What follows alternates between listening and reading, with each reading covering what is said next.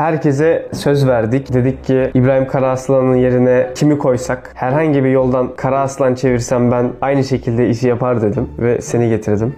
Selam. İbo'nun yan sanayisi olarak ben de bugün Başka bir, ama bir Karaaslan gider başka bir Karaaslan gelir dedik. Bakalım nasıl olacak. Sen bir kendini tanıt. Sen kimsin nesin? benim tek bir vasfım var.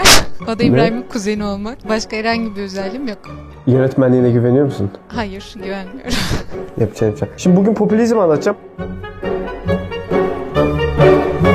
Popülizm çok konuşulan bir konu. Artık sıkıcılaştı da bence. Sen sıkıcı değil dedin. Merak ediyor musun gerçekten popülizmi? Popülizmi merak ediyorum tabii ki. Çünkü şu an tüm dünyada popülist yönetimler var sanki. Her yer popülizm oldu. Evet. Ve de popülizmle ilgili çok fazla farklı düşünce var. O yüzden bir açıklığa kavuşturulması gereken kavram olduğunu düşünüyorum. Çünkü her şeye popülist deniyor şu an. Çok güzel bir giriş oldu bu aslında. Şu anda popülizmin tanımıyla alakalı en temel problem bir tanımının olmaması. Yani insanların her şeyi popülist demesi aslında şey değil. Tamam biraz belki cahillik de vardır ama temelde bir kavram kargaşası durumu da var gerçekten de yani net bir tanımını koyamadılar. Popülist liderleri betimleyen, onların söylemlerinde ortak olan bazı şeyler var. Bunlar üzerinden bir popülizm tanımı yapılıyor. Ama temelde senin söylediğin şey bir sıkıntı ve bu sıkıntıdan ben de yakınıyorum. Yani her hoşuna gitmeyen şey popülist diyorsun gibi bir durum var. Genelde de hoşuna gitmeyen bir şey. Yani popülist aslında kötücül anlamlı bir şey olarak kullanılıyor. Pejoratif bir şey. Bir de popülist söylem diye bir şey var ama popülist söylem diye kullanılan şey muhtemelen popülizm diye akademide tanımlanan şeyden çok daha farklı. Yani halkla alakalı bir şeyse böyle hani böyle asgari ücret 10.000 TL olsun popülist bir söylem. Ya aslında bugün popülizm dediğimizde tam oturmayan tanım temelde şuna dayanıyor. Popülist lider halkı ikiye bölüyor. Bunu görmüşsündür sen de. Bir gerçek halk var.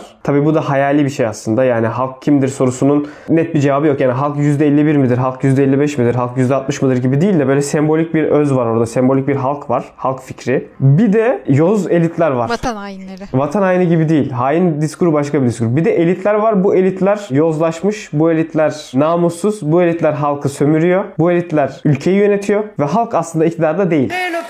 Français, d'élites arrogantes qui veulent lui dicter sa conduite, car oui, je suis la candidate du peuple. Dolayısıyla elit halk düşmanlığı üzerinden sisteme karşı, düzene karşı bir itiraz, düzene karşı bir mücadele retoriği var. Şimdi düzen dediğimde bu establishment. Sürekli savaş içindeler. Aynen sürekli bir savaş içerisindesin ve o savaşı da elitlere karşı veriyorsun. Halk adına veriyorsun. Popülist retorikte bu çok güçlü. Popülist parti deyince akıllara genelde aşırı sağ partiler geliyor Avrupa'da. Ama aslında sol parti de olabilir. Konteksten kontekste göre değişiyor mesela. Latin Amerika'da sol partiler, popülist partiler olurken genelde işte bu Venezuela'da Chavez vardı bir ara. Hatırlarsın. Hatırlamam. Chavez hatırlamıyor musun? Hayır. Hugo Chavez diye bir adam vardı çok meşhurdu. O var mesela. İşte Eva Morales'e popülist derler. Avrupa'da ise meşhur popülistler genelde sağ partilerden çıkıyor. Aşırı sağ partilerden çıkıyor. Viktor Orban'a popülist diyorlar. Macaristan. İşte Fransa'da Le Pen var. Ve bu Avrupa'daki popülizmde mesela çok da şeyi de görüyorsun. Mülteci karşıtlığı, Avrupa Birliği karşıtlığı. Bunlarla böyle harmanlanan bir popülizm. Popülist lider deyince bu dıştan gelip tamamen farklı bir şeyler söyleyip tüm aktörleri dışlama deyince aklıma ilk Trump geliyor. Evet evet Trump 2016'da Trump'ın gelmesiyle popülizm tekrar popülerleşti. Esas popülerleşme tabii kronolojik alırsak 2008 yılında finansal kriz. O kriz Avrupa'ya sıçradı. Avrupa'da bir borç krizine dönüştü. Yunanistan, İrlanda, Portekiz falan paket oldu ekonomiler İtalya. Sonra bu ülkelerde popülist hareketler güçlenmeye başladı. Çünkü popülizm bir nefret dili de üretebildiği için yani bir nefret dili dediğim şu. Popülizm güçlü bir retorik üretiyor. Sert ve güçlü bir retorik üretiyor. Sürekli düşman yaratıyorlar. Evet sürekli düşman yaratıyor. Eğer ekonomik bir sıkıntı varsa, bir kriz dönemi varsa insanlar da bu güçlü retoriği daha çok satın alma eğiliminde oluyorlar ve suçlanacak birini arıyorlar. Popülistler o suçlanacak birini sürekli veriyor. Yani bu elitler olabiliyor. Elitlerin işbirlikçileri olabiliyor. Veya elitlerle beraber göçmenler olabiliyor. Dış Dolayısıyla mihraklar olabilir mi? zaten dış mihraklar dediğinde şey olur genelde. Elitler dış mihraklarla ilişki içerisindedirler. Mesela Sorosçuluk Türkiye'de çok meşhurdur işte. Soros fonluyor, Sorosçu falan filan. Bu Sorosçuluk Macaristan'da da çok meşhur. Yani Orban'da muhalefeti veya işte hedef aldığı grupları Sorosçu olmakla suçluyor ki zaten Soros Macaristan doğumlu bir adam. Hatta onun üniversitesini kapattırdı Orban. Yani Soros'un üniversitesi vardı Macaristan'da Central European University. Attırdı onu. Dolayısıyla bu retorik aslında dünyada bayağı birçok lider tarafından kullanılıyor. Ama bir popülist hareket iktidar olduktan sonra hala popülist olabilir mi? Burada böyle bir soru işareti var. Çünkü düzen karşıtlığı çok önemli. Elit ve düzen karşıtlığı. E sen artık devlet olmuşsun. Sen artık ya mesela Putin popülist olabilir mi? Devlet kim? Elit kim? Putin zaten. Я не вижу вашей подписи. Идите, подпишите. Идите ко мне.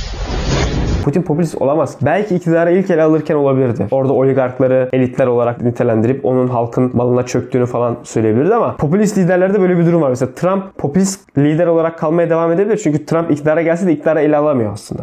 Çünkü orada bir takım kurumlar var. Yerleşmiş bir düzen var ve aslında Trump sistem dışı bir adamdı. Oyunun dışındaki bir aktör olarak girip oradaki herkesi establishment dediği suçlayıp kendisine oy devşirdi ve güçlü de bir söylem üretti Trump. İşte şey sorunu doğuyor. Yani bu popülizm sistem dışı bir hareket ve düzen eleştirisi olduğu için e, bir noktadan sonra siz artık düzenin kendisi haline geliyorsunuz. Oradan sonra artık bence farklı düşmanlar yaratmanız lazım. Dış mihraklar daha iyi bir düşman. Avrupa kontekstinde şey de biraz gerçek hakikaten. Yani burada gerçekten yerleşmiş elitler de var. Yani 300 yıldır, 400 yıldır var. İşte şatosu olan, soyadının bir anlamı olan aileler var. Dolayısıyla burada gerçekten bir karşılığı oluyor. Türkiye'de mesela şey gibi ama böyle kimse aslında o kadar elit değil gibi. O kadar çok yıkım olmuş ki gerçekten elit kalabilen pek yok. Mesela gayrimüslimler Türkiye'de olsaydı muhtemelen onlar elit olabileceklerdi. Çünkü imparatorluktan itibaren zengin olabilmişler falan. Ama onları da zaten yolladılar. Yolladık. Dolayısıyla nefret edilecek 500 yıldır bu topraklarda olan ve buraları yöneten bir grup insan kalmadı. En elit adam Cumhuriyet'in yarattığı zenginler oluyor. Fransa'da o çok anlamlı bir elitlik kıstası olmazdı muhtemelen. Yani dedenin dedesi elitse elitsindir muhtemelen Fransa'da. Bizim Türkiye'de deden elitse elitsin baya. Yani deden köylü değilse elitsin gibi bir şey oluyor. Evet evet. Ve hani ben o kadar köylüyüm ki dedesi köylü olmayan arkadaşım yok.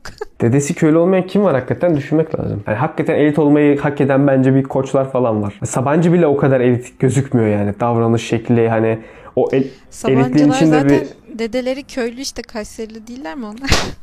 Evet, evet onların da dedesi köylü değil mi? Doğru. Hacı Sabancı o da sıfırdan gelen bir adam olması lazım. Doğru. Tamam koçlar benim sınıfıma uyuyor yani. Dedesi gerçekten zengin olan. Bir de İstanbul'un yine tek tük kalmış Yahudileri vardır. Başka birileri yok. Ve şöyle düşün. Türkiye'deki gayrimüslimler kalsaydı bugün o nasıl kullanılırdı? Yani o insanlar çünkü muhtemelen ekonomik olarak Türkiye'nin en zenginleri olacaklardı. Bu o kadar güçlü bir retorik ki siyasetçi için. Popülist retorik aslında şunu diyor. Halkın önünde kimse duramaz. Ya halk benim. Tamam mı? Orada öyle bir güzellik var. Ben halkım. Benim önümde durmaya çalışan bu elitlerin hepsini yok edeceğim. Burada halkın Dolayısıyla- kim olduğunda popülist liderler belirliyor. Bir gün halktan sayılmayabilirsin. Evet ya halk kim? Adamın tanımadığı kişi oluyor. Genelde kendisine halkın temsilcisi rolünü biçiyor. Ve halk adına da halkın önünde kimse duramaz inancı var. Bu inançtan kaynaklanan da ne var? İşte kurumlara karşı bir saldırı ve kurumlara karşı saldırının meşruiyeti. Yani kurumlar dediğimizde ne? Anayasa Mahkemesi mesela. Kurumlar dediğimiz genelde burada dengeleyici kurumlar olur. Sistemdeki diğer güçlü dengeleyici kurumları yok etme veya değiştirip dönüştürme arzusu oluyor. Mesela Trump'ta bu çok net vardı. Ya Trump bir şey yapıyor. Mahkeme yürütmeyi durdurma veriyor veya iptal ediyor. Trump da diyor ki nasıl yaparsın bunu? Yapamazsın. Senin böyle bir meşruiyetin yok. Sen kimsin? Sen atanmışsın. Sen seçilmiş değilsin. Sen halkın iradesine nasıl karşı gelirsin diyor ve kurumlara karşı bir saldırı da oluyor. Çünkü zaten elit dediğimiz grup nasıl yönetiyor ülkeyi? Kurumlarla yönetiyor aslında. Bürokrasiyle yönetiyor. Yani bürokraside bunlar güçlü. Yargıda bunlar güçlü. Yani hikaye bu. Bunlar buralara çöreklenmişler. Önce biz siyaseten güçlü olacağız. iktidarı ele alacağız. Ardından da geri kalan bürokrasideki elitleri temizleyeceğiz. Kurumları temizleyeceğiz. Devleti gerçek sahibine, halka geri vereceğiz. Bu hikaye güçlü bir hikaye. Popülist söylemlerin tab ettiği kitlelerde gerçek bir nefret varsa, bu insanlar eğer kolayca böyle birilerini hedef alabilir hale geliyorlarsa, o zaman o nefretin sebepleri üzerine de biraz düşünüp oralara bir politika önerisi getirmek lazım. Direkt ya bunlar deli demek yerine. uh, I don't remember. Çünkü bunlar deli dediğin zaman direkt meseleyi kapatıyorsun. Ve hiçbir şey de çözemiyorsun. Hatta o kitleyi büyütüyorsun belki de. O yüzden aşağılamayalım. Popülizmi aşağılamayalım. Böyleydi. Kadraj fena değil bence. Yani bu kadar olur. Fransa'dan ilk böyle çekimimizdi. Zamanla daha iyi olur. Konular belki daha eğlenceli olursa güler eğleniriz. Yönetmen de biraz sıkıntı. Her Karaaslan aynı değilmiş. İbrahim Karaaslan'ın yönetmenliği ayrıdır. Olsun ama en azından kadın. Kapat. Görüşürüz.